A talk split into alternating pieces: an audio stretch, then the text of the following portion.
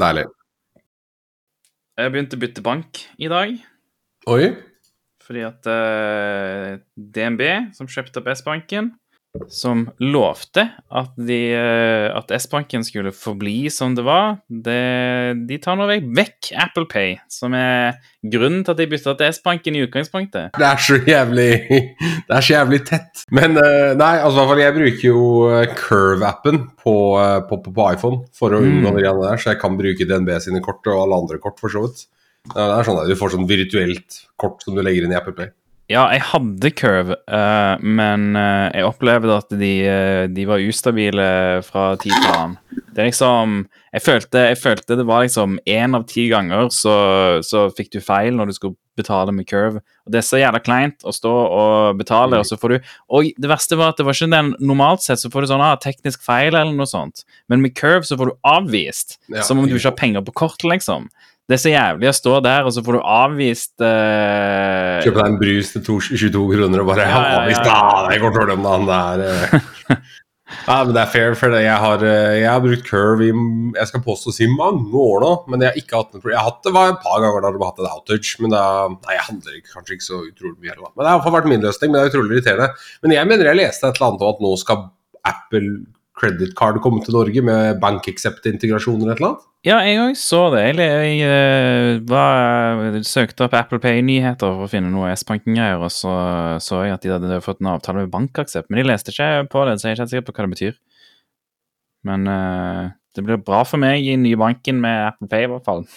Hvilken bank eh, gikk du til? Eh, jeg, jeg tror jeg prøver meg på danske bank. Danske. Det var en kompis uh, som er økonom, som, uh, som bruker det. Han sa det var bra. Så da var jeg sånn OK, han du kan det bedre enn meg. Den er ikke dum. Og uh, I utgangspunktet så er det jo bare brukskortene jeg trenger å flytte. jeg tenker sånn så, sånn som Hvis du bytter bank i dag fordi det var fjerna Apple Pay, fair game. Men det er sånn banker imellom. Hvor stor forskjell er det, liksom? Jeg har ikke peiling. Jeg gidder ikke se på rentedrit og Jeg, det, jeg bryr meg ikke. Ærlig Jeg, altså, jeg prøver, å, prøver å forholde meg minst mulig depressiv, så jeg går ikke inn og sjekker hvor mye jeg betaler i rente på huslånet mitt i måneden. Liksom. Det er, eh, de, eh, pengene mine pengene kommer inn på konto, og så går de rett ut igjen. Det er bare sånn det er. Det er greit. De kommer innom, kommer innom for å si hei, litt av pitstop, bytte noe dekk, greit, ha det. Ja, det er sånn. Penger er overvurdert, sa den privilegerte hvite mannen. Penger er tull, si.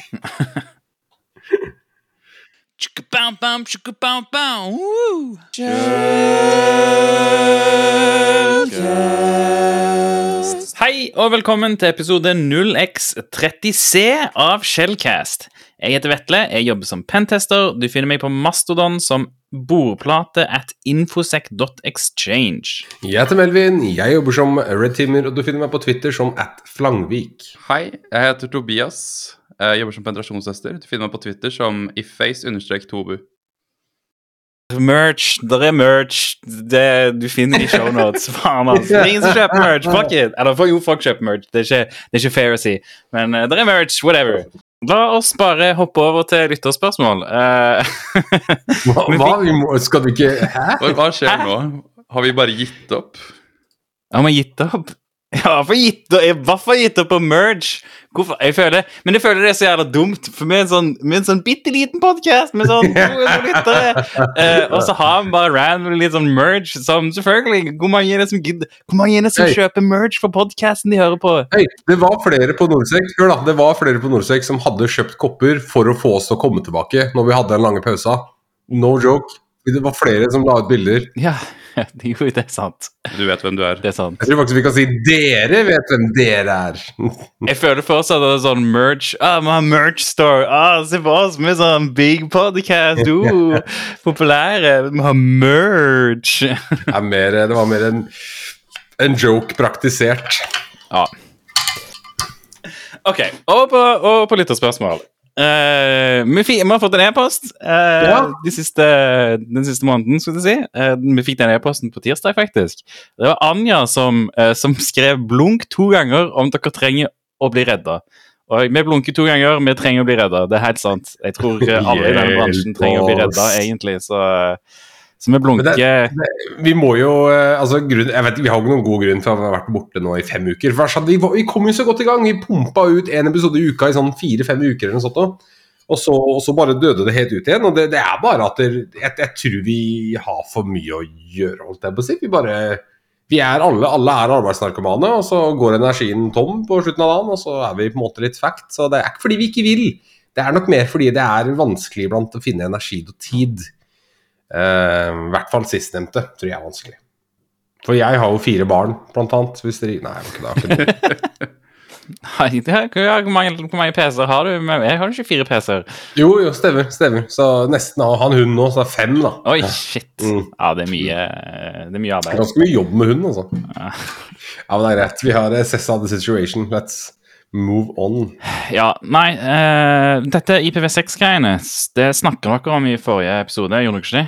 Da var ikke jeg med. Ja, vi, kan- vi sier ja. Vi går for ja. Ja, jeg kan sikkert ta den på nytt igjen. At jeg elsker IPv6, men øh, vi, vi er da, Hvis du skal begynne med det, Toby, så tror jeg egentlig jeg og Vetle kan gå oss da en powernap.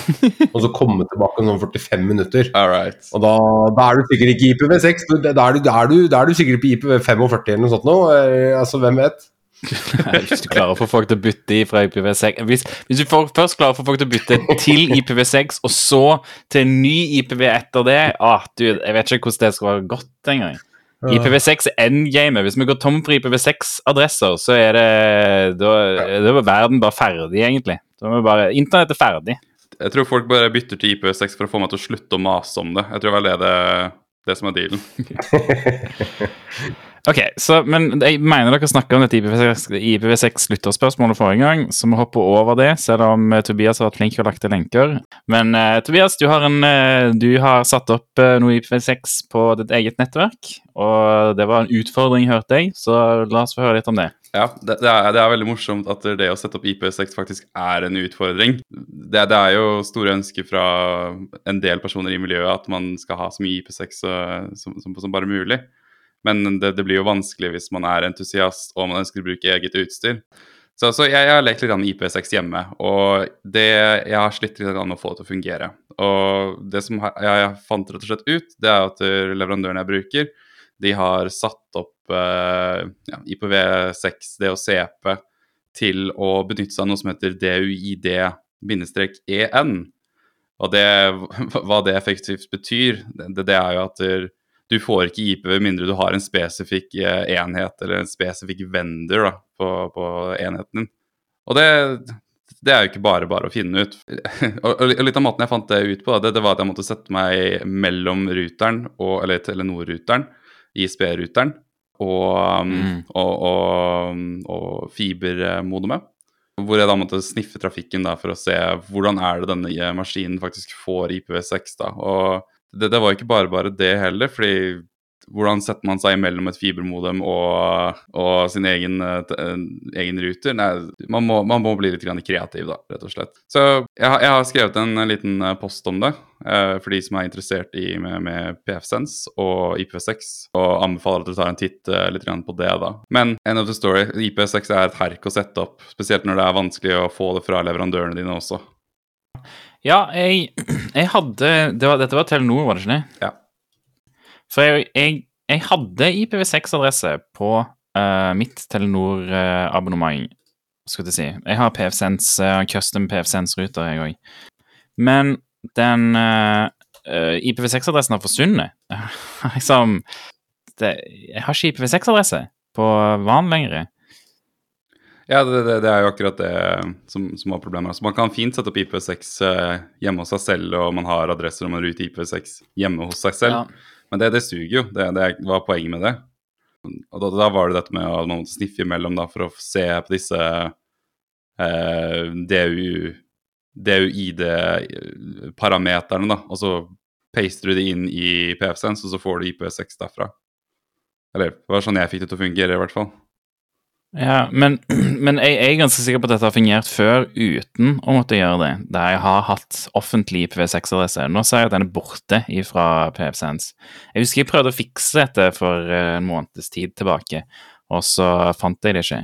Men i utgangspunktet, når jeg, eh, når jeg skulle ha IPv6 her, så ringte jeg til Telenor og spurte om de leverer IPv6 i det hele tatt. Mm. Og altså, det er så jævla dårlig. De har jo ikke peiling, de som sitter og Du får ikke noe svar noe sted.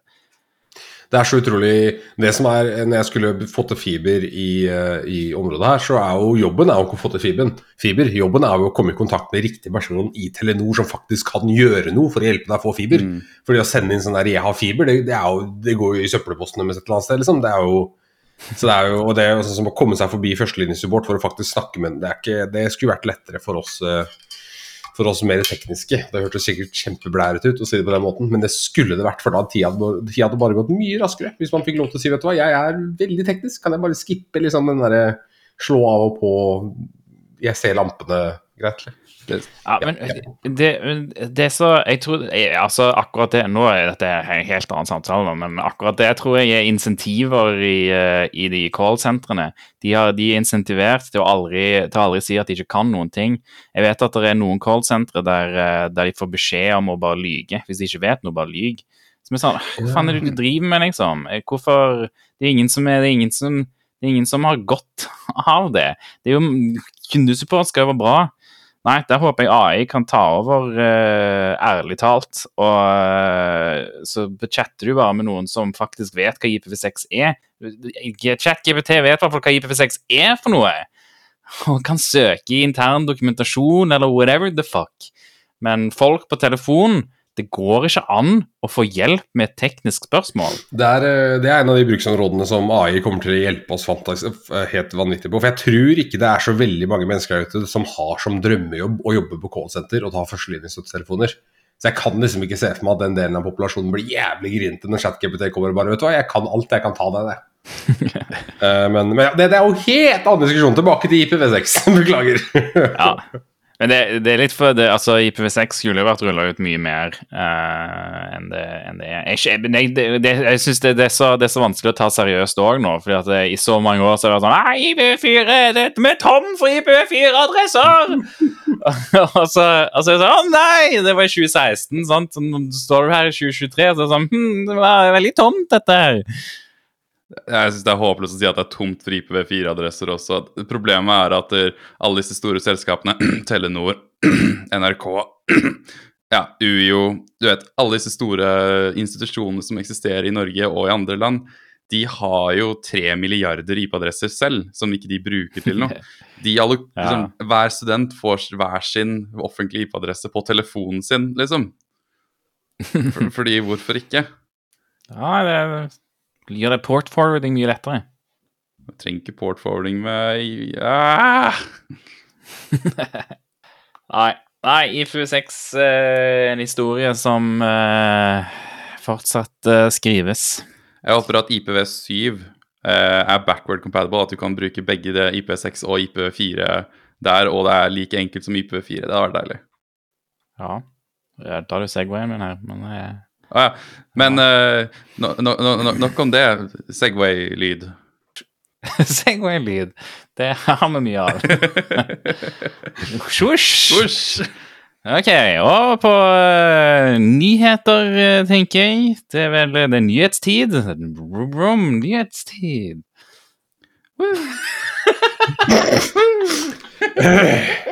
Da beveger vi oss over til nyheter, dere. Svosj! Eh, første nyhet ut er, kommer fra Microsoft. Microsoft har uh, avdekka angrep mot eh, ja, amerikansk infrastruktur fra kinesisk aktør eh, Volt Typhoon. Som jeg ikke er sikker på om er en aktør vi kjenner fra før av, men med et nytt navn. For Microsoft bytta navn på alle på et eller annet punkt, syns jeg husker. Hvordan var det? Stemmer. Stemmer. stemmer. Så dette er en kinesisk uh, statsaktør som, uh, som har drevet med angrep mot eh, ja, US Critical Infrastructure. Og de har brukt mye av dette som vi kaller living off the land-teknikker. Som vil si du tar eh, I stedet for å bruke custom uh, malware-verktøy, så bruker du innebygde verktøy som uh, CERT-util og sånn som allerede ligger på maskinen til å gjøre, til å gjøre arbeidsoppgaver eh, for deg. Det gjør det lettere å på en måte unngå antivirus og sånne ting. Så, det, eh, så de har klart å holde seg ganske skjult, eh, men Microsoft eh, er visst eh, bedre enn de. Så det er godt å høre. Det som er eh, Dette med å bruke lolbins er jo interessant, fordi det er jo egentlig bare en form for sånn execution-teknikk for å komme forbi grunnleggende ting som, som app-locker. da, ikke sant? At man ikke får lov til å kjøre random ass binaries på en maskin. Men hvis, hvis man klarer å lure da en, en signert god binary til å trigge din binærfil, eller kjøre C-sharp-kode rett ut, eller kjøre javascript-kode lokalt, eller trigge NDRL, eller hva enn, så er det en måte å komme seg rundt det. Eh, det som er interessant her, er at vi ser jo at disse aktørene fortsatt da bruker PowerShell og kjente metoder, kjente teknikker, cmd.exe slash c, eh, med bare døtta en kommandolinje rett inn i loggen for å, for å hente ut NTDS, VMIC-kommandoer. Ja, så det er jo eh, Jeg blir jo Jeg mister jo håpet over menneskeheten, holdt jeg på å si, på mange måter. Altså, det er sånn en ting er jo at disse aktørene bruker det, det kan vi på en måte juble for. For jeg skal ikke si at dette ikke er sofistikert, men samtidig så er det sånn Vi, vi, vi burde vel klare å detektere PowerShell-script som blir kjørt på maskinen nå, liksom. Uh, men, uh, men ja, det er en mye lengre diskusjon. Det er sikkert en grunn til at mange ikke kan det. Men, uh, men ja, jeg blir litt sånn hvis den kritiske infrastrukturen i USA blir eid av kinesere som kjører PowerShell-script, så blir jeg sånn Ja, kanskje vi skulle, kanskje vi skulle gjort noe der? Uh, for, uh, ja, for PowerShell, det er, det er, litt 2012 i mine øyne, dessverre. Det døde liksom. I min, i, min, uh, I min, tidslinje av offensive ting så hadde vi PowerShell-æraen, som ble over til C-sharp-æraen, der alt skulle skrives i C-sharp, og nå er vi på BOFF, der alt skal skrives eh, som independent kode i C, som vi bare kan smelle, smelle faktisk, smelle veldig handen. som vi faktisk bare kan døtte rett inn i minnet og kjøre uten å uten å kjøre en ny prosess eller uh, legge fra oss logg, logger noe sted. Vel, noen er opptatt uh, av trender, og andre er opptatt av uh, å få ting gjort. Det, det altså, igjen, da. Hvis det funker altså Det, det funker jo åpenbart. når, når kineserne kommer seg inn på måten der, så er det jo ikke Men, men ja, nei. Men de skriver andre ting her òg, som uh, uh, Volt Typhoon proxyer all nettverkstrafikken gjennom det de kaller Soho Network Edge Devices. Som er uh, Hva var det det var? Home Office-enheter og sånne ting. og uh, så, så, de har, de har type Altså, folk som har type Syxel, Netgear, Cisco, Asus-ruter og sånne ting, eh, som sitter hjemme, som, eh, der de eksponerer HTTP og SSH ut på internett. Så de har visstnok eh, tatt over en del av sånne devices, da, edge devices. Eh, eh hva var det det var? Ah, Soho, det sto Det var så jævla dumt. Eh, small office and home office equipment, Soho. Så de har, de har eid diverse nettverk-devices eksponert på internett og brukt det som proxyer for å maskere source-IP-en sin. Okay, ja. Soho er jo eller sånne type devices er jo satt opp til å være en SD-van. Så hvis du klarer å eie én av dem, så kan du ofte komme deg inn på veldig mange av de andre Soho-devicene. Uh, ja, ikke sant. Typ sånn Meraki uh, og sånt. Det mener jeg. Uh, ja. Så, så, det hjelper jo, da. Hvert fall. Altså, hvis trafikken kommer fra forventa hjemmekontor og, og, sånne ting, så, så, er det vanskeligere å, å oppdage det, I guess. Det er vel eh, Jeg tenker vel de har gjort det som et effort for å unngå å bruke VPS, VPN eller proxy-løsninger som har IP-er kobla til datasenteret, eller risikere å kjøpe proxy-tjenester som skal være altså residential. Så de har vel bare gått ut og Sånn som de beskriver det, så har de bare gått ut og funnet disse management-interfacene eksponert på internett, hacka et par private hjem sine ruter eller nettverksenheter, og så brukt de da for å maskere kilde-IP-en så det ser ut som det kommer fra Innlandet. Det er jo makes it total sense hvis du er en kinesisk eller eh, utenom eh, statlig aktør, på en måte. Ja, men så, dette her er jo litt sånn som vi har sett tidligere òg, med f.eks. LastPass, der det var Plex-serveren til en eller annen utvikler som ble, ble hacka. Mm. Uh, vi ser mye angrep mot, uh, mot hjemmekontoret. De, de funker ganske bra òg, tydeligvis. Det går jo tilbake til det Var det ikke Kripos i sin uh, trusselvurdering som sa at angrep mot private hjem eller private individer sin, sin infrastruktur er on the uprise? Ja. Fordi man, man, ser kanskje at i de mest modne bedriftene så er det lettere å komme inn gjennom en uh, som du sier da, en ikke oppdatert Plex-server på hjemmenettverket til, til, utvikleren enn det er å prøve å bryte seg inn gjennom selskapet. Det er kult, da. Se, kult å se en, en, en reell trend i forhold til hvordan aktørene beveger seg. Ja, nei, men, så, så, men, men noe av det å ta ut herfra er jo det å, å tenke på hvordan hjemmekontoret er satt opp. Hva gjør at uh, Altså, hvis Altså, Hvis en ansatt tar med seg laptopen sin hjem og kobler den på sitt eget nettverk, hva gjør at ting på det nettverket ikke kan hacke den enheten? sant? Eller ikke kan se trafikken til den enheten? Det er det jo mange selskaper som har løst med type Cisco AnyConnect, der du ikke har lov til å gjøre eh, Du har ikke lov til å slå den av, eller du har ikke lov til å eh, Du har ikke lov til å Hva er det det heter? Det heter Dette Always On-VPN, tenker jeg. Det er Ja, sånn, ja, Du får ikke logga inn på maskinen i dag før VPN-en har blitt tilkobla. Split-tunneling tenker jeg på. Du har ikke lov til å gjøre split-tunneling, som vil si det at du eh, Når du er kobla på VPN-en, så er det, der, der er, da, da er det ikke noe lokalt nettverk. sant? Det lokale nettverket forsvinner, fordi at du har ikke lov til å være kobla på selve kontor-VPN-nettverket, og du har ikke lov til å være kobla på så, så da treffer du på en måte ikke noen av de lokale enhetene lenger. Det er noen som gjør det. Hvis du pentester, når du pentester de, så må du stresse med shit eh, VPN-tilkoblingen. Hvis du har lyst til å proxy the burp suite samtidig, så er det jævlig irriterende. Eh, Jeg så jeg hater eh, VPN-er som ikke tillater split tunneling, men jeg, jeg, eh, jeg anerkjenner at eh, i disse tilfellene så tror jeg eh, det hadde vært, eh, det hadde vært bedre. Veldig effektivt.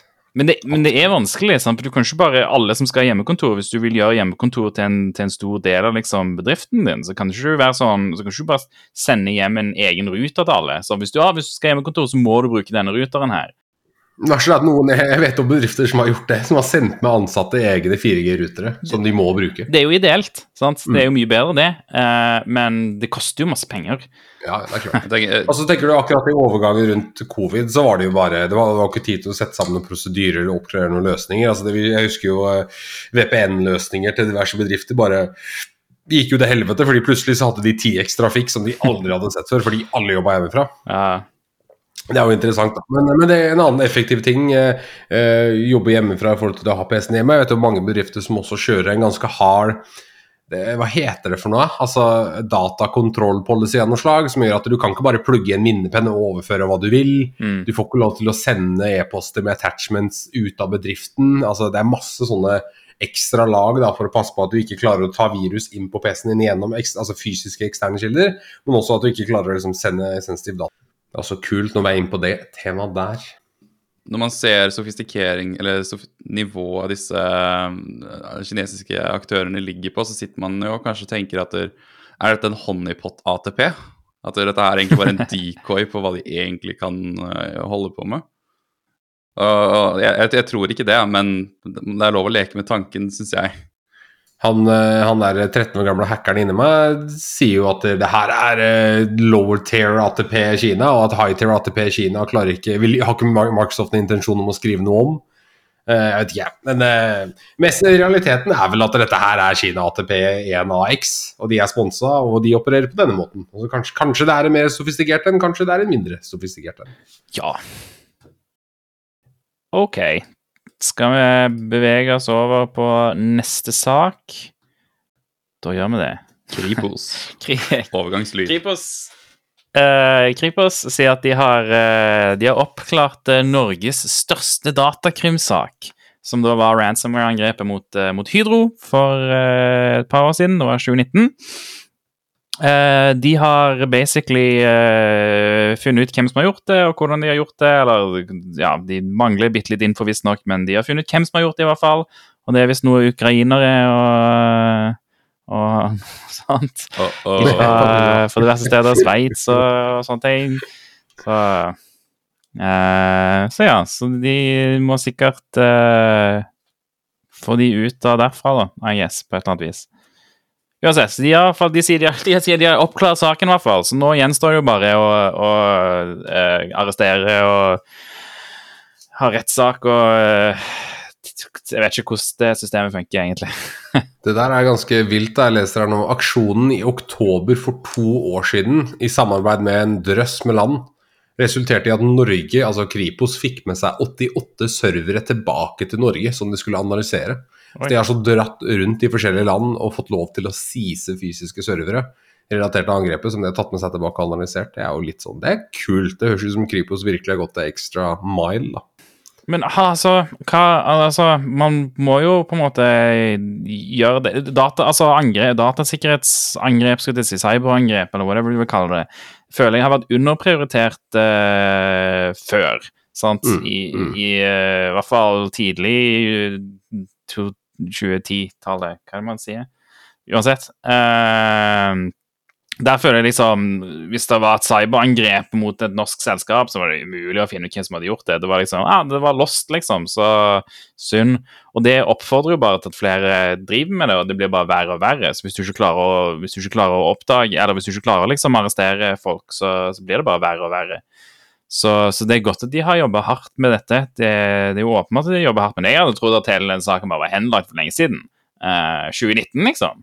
Jeg trodde at det her var sånn Ja, ja, dere ble eid GG, men som du sier, så er det så utrolig viktig for eh, norsk politi å bevise at de har kapabiliteten til å etterforske og konkludere med sånne saker som det her. For, å, Mm. for som du sier, da, altså de, de eh, yrkeskriminelle, og for så vidt de kanskje kaller ungdomskriminelle, de som vokser opp og som sliter med å navigere det moralske kompasset sitt, ikke bare tror at det er bare å installere dritt overalt på skole-PC-er og hos eh, venner og og, og gjøre det du vil, liksom at det faktisk er konsekvenser. Da. Fordi sånn som du sier, 2010, 2012, 2014, så er det sånn Jeg òg hadde oppfatningen at liksom, ja, du, altså, er du cyberkriminell, så skal du typ gjøre hva faen du vil. fordi A. Eh, hvis, hvis du blir anmeldt eller tatt, så blir det henlagt. Eller B. Hvis det ikke blir anmeldt eller tatt, så, så skal de gå ganske langt da, for å liksom for å, eh, for, å, for å prøve å identifisere deg, og så skal du ha motiver, og så er det litt sånn tekniske ting som gjør at det er vanskelig å kanskje bevise liksom, Jeg husker det var en svær debatt for mange år siden eh, i forhold til om IP-adressa di skal telles som identifiserbar mot deg.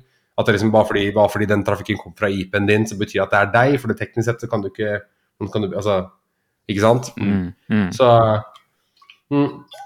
Men det er kult, da. Absolutt kult at de føler de liksom kan eh, konkludere med hvem som har gjort det, og at de kan legge fra seg saken. For det virker som de har lagt inn stort arbeid. Men det igjen skulle jo på en måte bare mangle at det eh, er en situasjon der vi skulle bevist at vi har kapabiliteten, er jo her.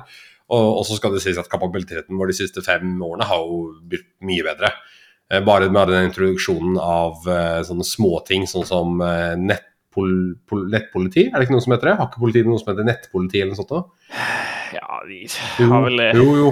noe Du kan skrive til dem på Instagram og sånn, og blant, eh, blant, blant oss så, så tenker vi ikke så mye på det. Det er blant de unge da, som opplever mindre sånne eh, cyberrelatert kriminalitet, om det er deling av stygge bilder eller altså Ikke at det ikke er vesentlig, men liksom sånn type ting, da. Så er Nettpatruljen, etter det. Nettpatruljen. Mm. Så er Nettpatruljen en viktig sånn uh, virkende kraft. Og de kan du nå på Facebook Facebook, Instagram, og TikTok og Snapchat og det som er. Reddit, da. Telegram. Du kan og finne Roadbox, Fortnite. Det her er litt kult. Her, er de, Her kan du Her er, det her, er de er i Fortnite og Roblox. Ja, ja, det her er, det, det, denne nettpatruljen støtter distriktene og patruljerer også på flere forumer og nettsamfunn. Og så har du alle handlesa deres. De har fem Discord-brukere. De har Twitch, de har Minecraft, Fortnite, Roblox, Fifa, Reddit, Telegram. Oi, interesting. Ja, Ganske imponerende. Øst politidistrikt har seks, nei, syv Fortnite-kontoer. Men det, altså, det høres teit ut, men det er utrolig viktig for de som vokser opp nå, at de har at de også ikke føler på det som var når vi var unge, at liksom nettet er sånn der eh, totalt eh, lovløst, og du kan gjøre hva faen du vil, og du slipper unna med det uansett. ikke sant? At det faktisk er noen som følger opp. Da. Så det er jo bra. Nettpatruljen eh, Øst politidistrikt på Discord har glemt å legge til de tallene som er bak eh, brukernavnet. Men det, det kan jo være at det er en sånn beta-bruker at du ikke trenger de tallene. Nei, det er ikke det, for det er en Ø i brukernavnet. Ah. Og eh, det er ikke lov til å ha Ø i eh, Discord-brukernavn lenger. Eller i det nye systemet. Du får anmelde de til eh, Nettpatruljen. Nei, men de finner de ikke på Discord. Men hvor, hvor mye var det de løspengevirusene hos Hydro hva, hva er det de egentlig spurte om av beløp i første omgang? Nå stiller du spørsmål jeg ikke har researcha her. Ja, Ups, det er offscript. Jeg vet ikke hva jeg skal gjøre. Veldig vanskelig. Vi har snakka om Hydro-saken både én og to ganger, så jeg kan se for meg at jeg nev vi har nevnt det i en eller annen episode, men det vi alltid har dratt fram, var at Hydro bare sa 'fuck you', uaktuelt, og håndterte det som du skal. Og endte opp med å gå, eh, gå i pluss på slutten av det året aksjemessig. Så igjen, creds til Hydro. Det, det jeg ser, da, det er at de har brukt 800 millioner kroner på å recovere fra, fra det. Så, så man sitter kanskje og lurer på hadde det vært billigere å ikke gjøre det. Jeg vet ikke hvor mye de spurte om. Hvor mye hadde man spurt om meg? Det 100 million dollars! Ja, Hvis det hadde vært 100 millioner, så er det ikke unreasonable, for da har de brukt åtte ganger mer bare på å restore seg selv. Nei, En milliard Monero. oh. Var det det de spurte om? Nei.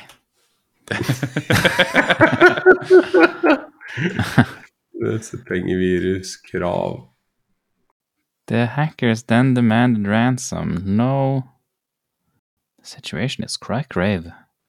Kanskje de prøver å gjemme det? At de innser at det, det beløpet var mindre enn det og der. Det er conspiracies. Ja, men Det løpet er mest sannsynlig mindre. Men hvis de ikke altså, Du kan jo tenke deg security posturen de har nå sammen, sammenlagt med før. da, altså De har jo ikke bare uh, bygga opp altså de, har jo ikke, de 800 millionene er jo ikke bare for å fikse alt som ble ødelagt, men det er jo også for å rette opp i feiler og, og bygge en bedre security posture og sikkert ansette x antall mennesker som skal jobbe videre med sikkerhet. og liksom, ja. De har faktisk råd til Splunk-lisenser nå, liksom. Ja, ja. Det, det, men det er det som er så utrolig eh, bra og trist. At Hydro, som overlevde det her, som er et gigantisk selskap Ledelsen der kommer aldri til å sitte på pengesekken når det kommer til sikkerhet igjen. Det er ikke noe snakk om kan de ansette et par Ja ja, sikkerhet, greit. For de har liksom eh, stygg, stygg måte å si det på. De, de har lært, da. Eh, og så har det andre bedrifter som ikke har lært, holdt jeg på å si, og som sitter på pengesekken fordi de føler ikke noe behov for det, og så blir de eid. og Så, ja. så lær av Hydro, dere. Lær. Men uh, har, vi snakket, uh, har vi snakket nok om Hydro? Vi, jeg, jeg, fant ikke noe beløp. Uh, nei, jeg fant ikke noe beløp, jeg heller. ja. Ja, det snakker nok om Hydro. Så kan vi snakke om Ja, Norges Bank kom ut med en ny rapport nylig finansiell, om finansiell infrastruktur. og, og disse dumme Det ble plukka opp av NTB, da, som alle andre aviser har eh, bare kopiert direkte. Og NTB lenka ikke til uh, den originale rapporten, så ingen av artiklene i avisene lenker til rapporten. Så er bare, ah, bare Dette har ingenting med selve saken å gjøre, men det bare det viser hvor jævlig disse avisgreiene er. sant? Vi snakker om kilder og sjekke kilder og være kildekritisk. Men da må de jo faen meg ha med kilder! Og det verste er at vinklingen på disse sakene er at Norges Bank Ok, Uh, Digi.no, eller NTB, sin tittel på dette er 'Norges Bank'. Betalingssystemet må bli bedre rusta mot cyberangrep. Uh, og i teksten òg så hintes det mot at oh, det er ikke bra sikkerhet. sant? Når du hører denne tittelen, betalingssystemet må bli bedre rusta mot, mot, cyberangrep, uh, så, så, så, virker det som om systemene er dårlige. Oh, de, de, de, er ikke godt rusta mot uh, cyberangrep. Noe av det første som står i rapporten, er at betalingssystemene i Norge er sikre. At, liksom, at altså det, De har ikke noe bevis på at det er usikkert, men de bare, de bare skriver om at eh, vi må fokusere mer på sikkerhet. Selv om det er sikkert nå, så må vi fortsette å fokusere mer på sikkerhet. Som jeg er helt enig i, det er kjempebra. Dumme, dumme nettaviser og ikke eh, lenke til kildene. Faen, ass! De er ikke Altså, dette, de, dette Journalistene er ikke kilden. Journal kanskje, du bli, kanskje, du skal begynne å jobbe for Digi, så du kan være med å, være med å skildre ordentlig? Be part of the solution. Ja, nei, det var det. det. Nei, men så, så, så jeg tenkte det var interessant å, å, å, snakke om Jeg tror ikke vi har snakka så mye om betalingssystemer eh, tidligere. Det, det, har jo ikke vært noe angrep eh, mot betalingssystemer i løpet av tiden vi har hatt eh, podkast, i hvert fall, så vidt jeg vet. Jeg tror ikke det har vært noe, liksom. Det har ikke vært noe incident som, eh, som har vært offentlig eh, siden. Men uh, uansett, nei, de snakker mer om, uh, om uh, Tibor, blant Uh, rammeverk for hvordan man skal gjøre red teaming av, av finansielle institusjoner. Og det er bra. Og så reagerte jeg jo på noe som, som de skrev om òg. De, så de har liksom De, de snakker om, om, kontanter, da, og hvordan vel kontanter er en viktig del av av økonomi, sånn i tilfelle det skjer et eller annet, eller folk ikke bla, bla, bla. Men det de òg snakker om, er uh, i tillegg til kontanter bør ha tilgang til digitale sentralbankpenger. som jeg ikke skjønner whatsoever hva det betyr for noe. Eh, men eh, det virker som om det betyr liksom du kan ha penger i sentralbanken i stedet for å ha det i banken? Jeg skjønner ikke. Digitale sentralbankpenger. Norske bitcoins, jeg vet ikke. Det kan sikre tilgang på et oppgjørsmiddel alle har tillit til, også på nye betalingsarenaer, og legge til rette for ansvarlig innovasjon og bedre betalingsberedskap. Prøver de, prøver de å ta et stab på krypto, liksom? er det det? Er det? Òg det òg står der, faktisk. De sier at krypto må reguleres. Eh, så det òg det er en del av, eh, av denne finansielle infrastrukturrapporten. Um, uansett, altså, altså Nå har jeg wina bank allerede, men, uh, men uh, altså jeg er ikke imot at eh, jeg kan ha bank der jeg har pengene mine et annet sted som ikke har noen ting med, med, med DNB å gjøre, f.eks. Noe av problemet med banker er Det står jo her, da. Det kan sikre tilgang på et oppgjørsmiddel alle har tillit til. sant? Fordi alle har definitivt ikke eh, tillit til, til random banker som DNB, som bare tar vekk ting du eh, likte, eller ja. Hvorfor kan vi ikke være våre egne banker? Hvorfor kan vi ikke ha våre egne Tobias-kort? Jeg vet ikke. Sånn, Ja, det var det. Nå må du ha en avtale med bankaksept, tror jeg. ja, ja. Nei, jeg har egentlig ikke noe store problemer med banker generelt. Eh, Jeg tenker, jeg tenker i landet vi bor i, så føler jeg at bankdelen ikke er noe problem. Derimot hadde jeg bodd i Jo, det er et kjempestort problem! Det er et kjempestort problem! Okay. Fordi, faen ass! Når Apple Pay kom i utgangspunktet, når det kom oh, ja. til Norge, så var DNB sånn vi, vi vil ikke ha Apple Pay, fordi at uh, ah, eh, kundene våre vil ikke ha Apple Pay. Så var jeg sånn OK, men da slutter jeg å være kunde hos dere, så går jeg over til S-banken. Og så, hva skjedde? Hva skjedde? DNB kjøpte opp S-banken! Og så og så var det jo hele greia med at å, de kanskje konkurransen her ikke er så bra. Kanskje vi burde dobbeltsjekke dette bitte litt. Og så, uh, og så er de sånn Nei, vet du hva, det er helt greit. DNB kan kjøpe opp S-banken.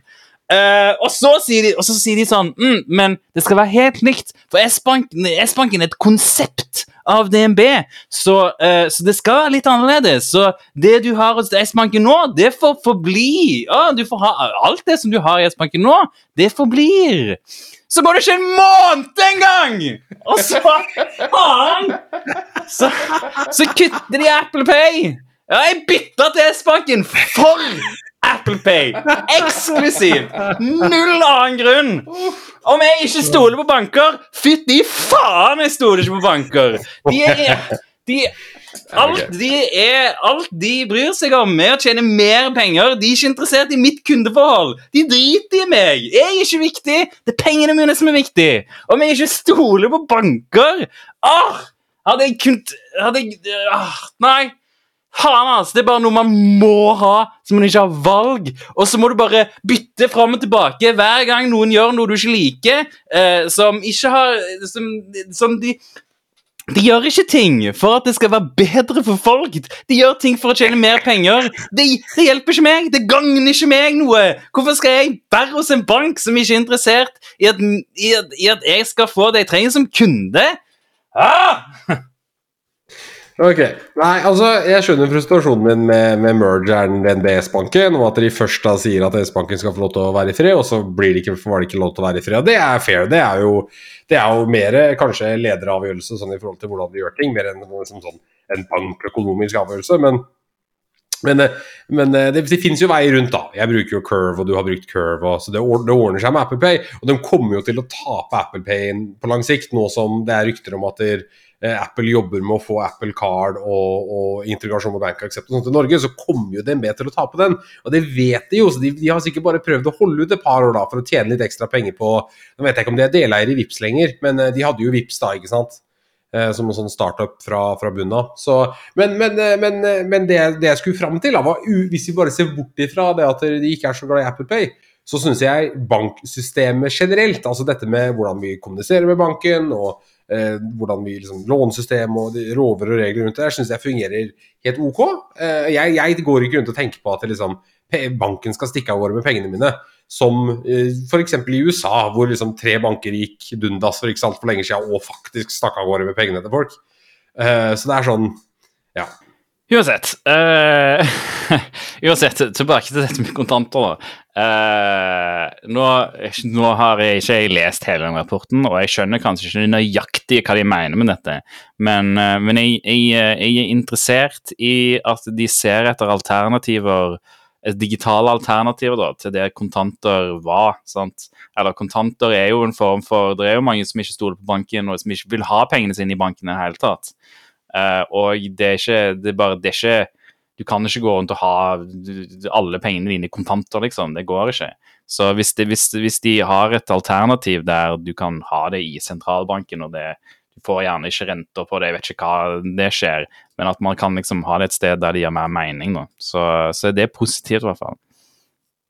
Jeg vet ikke hvorfor jeg snakker om dette. Jeg har jo ingen finansiell peiling på noen ting. Så, så det bare, det, bare det, det, det, viste seg for meg i, i rapportsammendraget, så jeg, bare, jeg var så nysgjerrig på hva det var. Jeg måtte snakke om det. Nei, jeg ser den. Jeg tenker jo, hvis man ville levd stort sett frakobla fra banker i dag, så er det jo noen ting man ikke kan. sånn som Skal man kjøpe en leilighet, så krever jo banken at lønningskonto og sånn er hos den banken, så de kan trekke fratrekk på lån og sånn derfra. Men sånn i teorien, da, hvis du, hvis du tar de faste utgiftene som må betales i bank, og så bare tar du alle pengene dine og døtter inn i krypto f.eks., en stabil mynt hvis det fins, eh, eller bare USDT eller hva faen, i krypto. Uh, og så får du jo sånne krypto-visakort som støtter Bank Accept og sånn, så du kan i teorien komme deg utenom det. Som sikkert støtter Apple Play også, hvem vet. Uh, så, men ja, nei, det er uh, ja, Vi lever i en digitalisert verden, og kontant er jo bare helt ripp. Altså, jeg vet ikke, det, det, vet, det er en eller annen uh, lov som sier at de ikke har lov til å ikke ta kontant, men jeg vet ikke hvor mange butikker som faktisk tar kontant lenger. utenom de store kjedene. Det er veldig mange småbutikker og, og småkjeder og sånn som bare ja, vi tar kort og vips, liksom. That's it. Mm. Den, jeg ser jo det, for faen. Når jeg får kontanter, bursdager og jul og sånn av besteforeldre, så er det sånn Hva faen skal jeg gjøre med det? Eller ikke, ikke, sånn Hva faen skal jeg gjøre med det her? For det er penger, det er ikke det. Men det er sånn ja, det, det, er, jo, det er jo en hassle å, å, liksom bruke. Det er jo ikke dull. Jeg, jeg mener det. Det er sånn Ja. Det, det, er litt sånn Kontanter føles som penger du ikke kan bruke på noe meningsfullt. Sant? Ja, det er en god oppsummering. Før, før, så var, før jeg husker liksom, når jeg først fikk mitt første kort, så var det sånn ah, Du må være forsiktig, fordi at når du bruker penger på kortet, så ser du ikke at pengene forsvinner. sant? Ah, du, har ikke noe, du, altså, du har ikke noe fysisk Du har ikke noe kobling til pengene, sant? så du, du føler ikke hvor mye du bruker. Mens i dag så føler jeg det sånn, når du har kontanter, så føler jeg det er waste av penger. Det er det sånn, Dette kan jeg ikke bruke til noe som er meningsfullt. Jeg kan kjøpe en is, liksom. Og så er det sånn, sånn som før, da, hvis man skulle kjøpe en bil før, så tok man ut 50 000-60 000 kroner i kontanter og ga det som betaling når man, når man kjøpte bilen.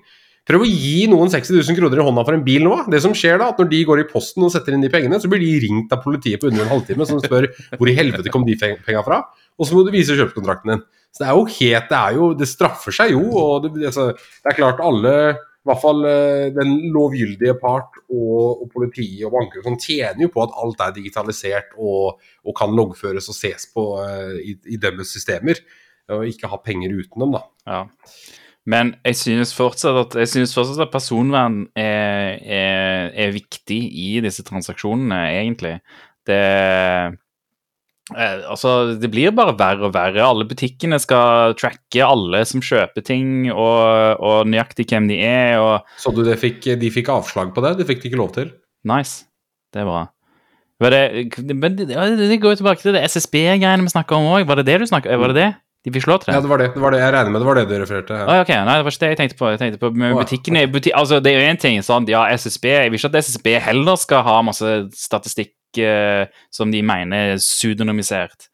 Uh, men, men, jeg trenger ikke at butikkene heller har det. Det er derfor jeg ikke har noen av de dumme kundeforholdsappene. sant? Jeg har ikke Trumf eller Æ eller uh, noe av det dritet. Fordi at jeg føler jeg føler at i det Altså, jeg vet ikke. Det ikke, det er ikke så mye at det er så viktig om de vet at jeg bruker altfor mye penger på Ben Jerrys, men uh, men det, det, er vanskelig å stole på. Sant? Det er litt sånn som bankene. Jeg føler ikke at de gjør Jeg føler ikke at de tar valg som er for meg.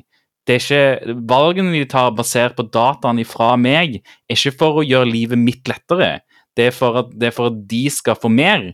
Uh, og, og det synes jeg altså, Derfor syns jeg det er irriterende å, å, å gi fra meg masse informasjon.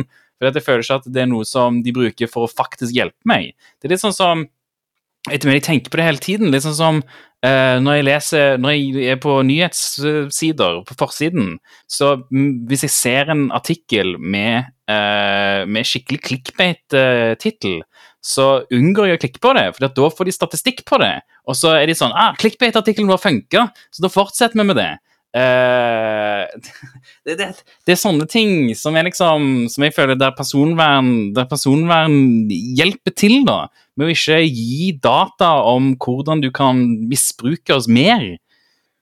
Så nei, hele betalingssystemet, jeg syns det, det er trist. På en måte så er det det, det, det, det er digg at det er digitalt. Det er digg at du bare kan gå og, og betale enkelt med kort eller uh, Apple Pay eller whatever. Men eh, jeg skulle ønske at det var mye, mye mer gjennomtenkt uh, hvordan, uh, hvordan personvernet var i det. Eh, og jeg, jeg tipper at vi er ikke er klar over hvor lett det er å deanonymisere data er der engang. Jeg har ikke peiling på hvordan backend-systemet til Kiwi ser ut, liksom, på, på alt av folk. Men jeg regner med at det er verre enn jeg eh, egentlig tror at det er. Jeg tror det har blitt en del, eh, del strengere etter GDPR, i hvert fall. For da, da de får seg en skikkelig på henda hvis, eh, hvis, hvis de eh, lagrer Hva er det de kaller det? De de-anonymiserer dataen. Altså de, de har jo veier rundt det, på en måte. De de-anonymiserer dataen på veien inn, så det blir lagra på en måte så det ikke er identifiserbart. Og så har de data et annet sted som gjør at de kan koble det sammen igjen på veien ut også, ikke sant. Så, så de, de, har, eh, de har nok veier rundt det. Men, eh, men ja, nei, jeg skjønner, jeg skjønner frustrasjonen din når man ikke har tillit til de tingene som blir integrert og digitalisert. At det ikke er, man føler det ikke er for seg. At det er bare for at disse bedriftene skal tjene enda mer penger og kunne deg, selge deg en ekstra boks med, med, med mat eller ekstra brus, liksom. Jeg ser den. Ja, nei, altså Ja, nei, ah, ja, hva skal man si? Det er ikke Nei. Man kan jo si at eh, dette med personvern er eh, kjempeviktig, som er en super Segway til vår eh, neste nyhetsartikkel. At GDPR har bursdag i dag, altså 25. mai. Yeah. Ta, ta tweet at uh, Datatilsynet og si gratulerer med dagen, eller sånn, så blir de glade. Gratulerer, dere! GDPR! Ja, det, det, ja, fem år med GDPR, er det ikke det? Fem år, og Facebook står for halvparten av bøtene. Typisk. Ja, nei, jeg syns det, Jeg tror eh, Jeg tror intensjonen med GDPR har vært bra, men jeg tror alt den har gjort, er å gjøre ting verre med sånne cookie banners og sånne ting. Jeg tror ikke folk Eller, jeg vet ikke helt. Altså, i, i mine øyne så, så føler jeg folk bare de, de risikerer å få bøter over å egentlig bry seg så mye om GDPR. Du har en haug med sånne GDPR compliance-folk og bla, bla, bla, bla. Jeg tror det gjøres ting, liksom, men jeg bare er usikker på om effekten egentlig Om det er noe praktisk eh, god effekt av det. Sånn som, sånn som der cookie warnings, eh, eller eh, når du skal velge hva cookies du aksepterer, f.eks. Halvparten av nettsidene bare ignorerer valget ditt uansett. Sånn at Du sier nei til alt, og så det sånn So? Jeg ser det, jeg tror Jeg vet ikke akkurat den cookie-delen om den har hatt noen effekt, men jeg føler det med, det med lagring og sånn, da mistenker jeg har hatt en effekt. Og har for- forhåpentligvis fått mange store selskaper med mye teknisk gjeld til å rydde opp i mye av greiene sine på, på risken av å få bot. Håper jeg, da. Men det blir bare spekulasjon. Sitter ikke på noe data på noe av det. Nei. nei Så, uh, sånn i, eh, jeg, syns, jeg syns det er godt å ha personvern uh, Altså regulering. Det, det, det, jeg syns det, er det er en god intensjon. Eh, og problemene er nok mye dypere enn eh, enn bare akkurat det. Det er jo en slags det er jo en, Altså, hvis du har et problem, sant? hvis du har et problem med at folk gjør noe du ikke har lyst til at de skal gjøre, så er det jo basically bare bandasje på problemet og si du får slå til å gjøre det. Du må jo finne ut, du må finne ut hvorfor. Hvorfor gjør folk dette? Hvorfor, hvorfor samler de inn masse data? Og så må du finne ut liksom, ok, hva kan vi gjøre for å, for å løse problemet du har som gjør at du samler masse data? Så dette er jo Det å bare være sånn Nei, du får ikke lov til å samle inn data. Det er sånn og sånn. Det, det er jo mer en eh, Det er mer et plaster enn det å fikse rot, roten til, til det. GDPR har vært en veldig fin sånn bridge for, uh, for uh, jurister å komme seg mer inn i, i cybersikkerhet. Um, og så kan man også si at det har gått veldig mange stillinger ut på DPO-er, eller Data Privacy Officers. Jeg tror det er det det står for. Mm. Den har jo gått i været pga. GDPR, og sånn sett så er det veldig positivt at de har, eller større selskaper tar i bruk disse personene til å passe på at de er i hvert fall noenlunde compliant med GDPR, da. Eller ja. ja. Så dette med cookies spesifikt altså, det, det, er drit for oss europeere hvis vi går til en side og så sier vi nei, vi aksepterer ikke cookies, så blir du kasta ut fra siden. liksom. Det, sånn, det har jeg aldri opplevd, tror jeg. jeg det. er ikke lov. Det er ikke lov ifølge GDPR, hvis jeg ikke tar helt feil. Du må tillate folk å bruke det så langt uh, funksjonaliteten fungerer uten, eller noe sånt dritt trodde. Jeg tror det var New York Times eller noe sånt som hadde det i en liten periode, men ja, nei, du har jo sånne ting som jeg, jeg, var ganske sikker på at du var nødt til å ha off by default. Sant? Når du går inn og skal customize hva som er lov, så trodde jeg du var nødt til å ha alt off by default, med mindre det var necessary functionality cookies, liksom. Men typ sånn som Schibsted, de driter jo i det. Hvis du går inn på Schibsted, så har jo alt on by default. Uh, Pluss at uh, den resetter seg hver gang du går inn på jævla Schibsted-side. Så den lagrer jo ikke Den lagrer jo ikke at du sier nei til cookies. Fordi du har jo sagt nei til cookies, så hvordan skal han lagre det? Aha. Ah. Selv om du har lov til å lagre en cookie som sier 'ikke lagre cookies', men det uh, For dem så høres det ut som en catch 22, så de Jeg vet ikke. Ja. Nei, jeg ser den. Jeg har litt lyst til å, litt lyst til å snakke om noe Shell Resources, for det har kommet en del siden sist. All right. Go for it. Hvis jeg får lov til å bevege meg inn til den. En av de, Det er mye spennende her. Det er klart det er lenge siden vi har hatt episode, så dette her er ikke alt som har kommet ut siden vi eh, Da, da hadde det vært mye. Men det er noe av det mer interessante i siste tiden, i hvert fall. Så uh, en av dem er jo uh, bl.a. Private GPT, som er i hvert fall den første repo jeg har funnet, som lar deg Uh, lage en slags Altså, de, de, bruker en annen modell, eh, men de bruker noe tilsvarende, eller LLM-modell, Eh, men de gjør det alt offline, så du, du laster ned en ferdig, ferdig, trent modell. Eller ikke ferdig trent modell, men du laster ned en ferdig bygd modell, og så trener du den på data. Og så kan du søke opp, og så får du eh, referanser til hvor han fant dataen. Eh, så her er det mye interessante ting man kan bruke. Den er ikke veldig rask. Du trenger nok en litt kraftig PC skal du, skal du kunne liksom stille spørsmål her og ikke få, få svar innen tre minutter. Men, men, det er veldig kult, og jeg håper å se mer i den retningen her. For det er, det er kult. Men det er veldig mye man ikke kan gjøre med ChatGPT, spesielt i yrket vårt. Man kan ikke drive og, og, laste opp kundedata, man kan ikke drive og spørre om kundesensitive ting. Man kan ikke, kan ikke spørre ChatGPT om hjelp når det, når det, på noe vis kan disclose eller ødelegge en annen. Mm. Så å kunne ha en offline-modell og ha den, eh, bygge den inn i verktøy og bruke den til å hjelpe deg under en test, det kommer til å være litt sånn game changer. Så jeg håper å se den, den eh, bevege seg videre. Altså sjekk ut Private GPT. Uh, så har Bloodhound kommet i release. Uh, jeg tror det var majority er vel bugfixes og optimaliseringer. Og så var det et par ekstra sånne ACL-er som har blitt lagt til. Blant annet noe med GMS-passord, tror jeg. Extraction. Uh, så det er jo alltid ting som endrer seg der. Så da er det en ny versjon av Bloodhound og en ny versjon av Sharphound. Så har du et prosjekt som jeg lekte med på streamen for et par uker tilbake, som heter Yet Another Obfuscator som er et eh, ganske kult prosjekt, der hvor han har brukt et eh, C-sharp library for å laste inn assembler og oppfuskere dem og produsere oppfuskerte assembler etter compile time. Den er open source, det går inn og ta den og gjøre den til ditt eget. Så går det faktisk an å forbipassere litt antivirus med, med bare ren oppfuskering i C-sharp igjen. Så den er kul, fungerer faktisk veldig bra. Uh, Evil Jinx 3 har kommet ut sammen med Mastery-courset. Eh, Mastery-courset finner du på breakdev.org, eh, altså bloggposten til, eh, til releasen. Og så ligger da versjon 3 ligger i versjon 2, eller Evil Jinx 2. Uh, Uh, repo på GitHub. Det er også veldig kult. Jeg tror den største, Det har vært en del optimaliseringer og endringer. Noen av de største endringene nå er vel hvor mye mer data du kan capture i disse man in the middle-attackene. Blant annet nå så kan du capture headers, så du kan capture actual bear tokens fra headerne til requestene, og ikke bare get og post-parametere, som jo er fint. Uh, så har vi den merch-storen vår, da, vet du. ja, vi har uh, merch store. Hvis du, hvis du, vil ha merch, hvis du vil ha logoen til Shellcast på T-skjorte, på eh, en kopp eller på en genser, så har vi merch til deg på merch.covert.no.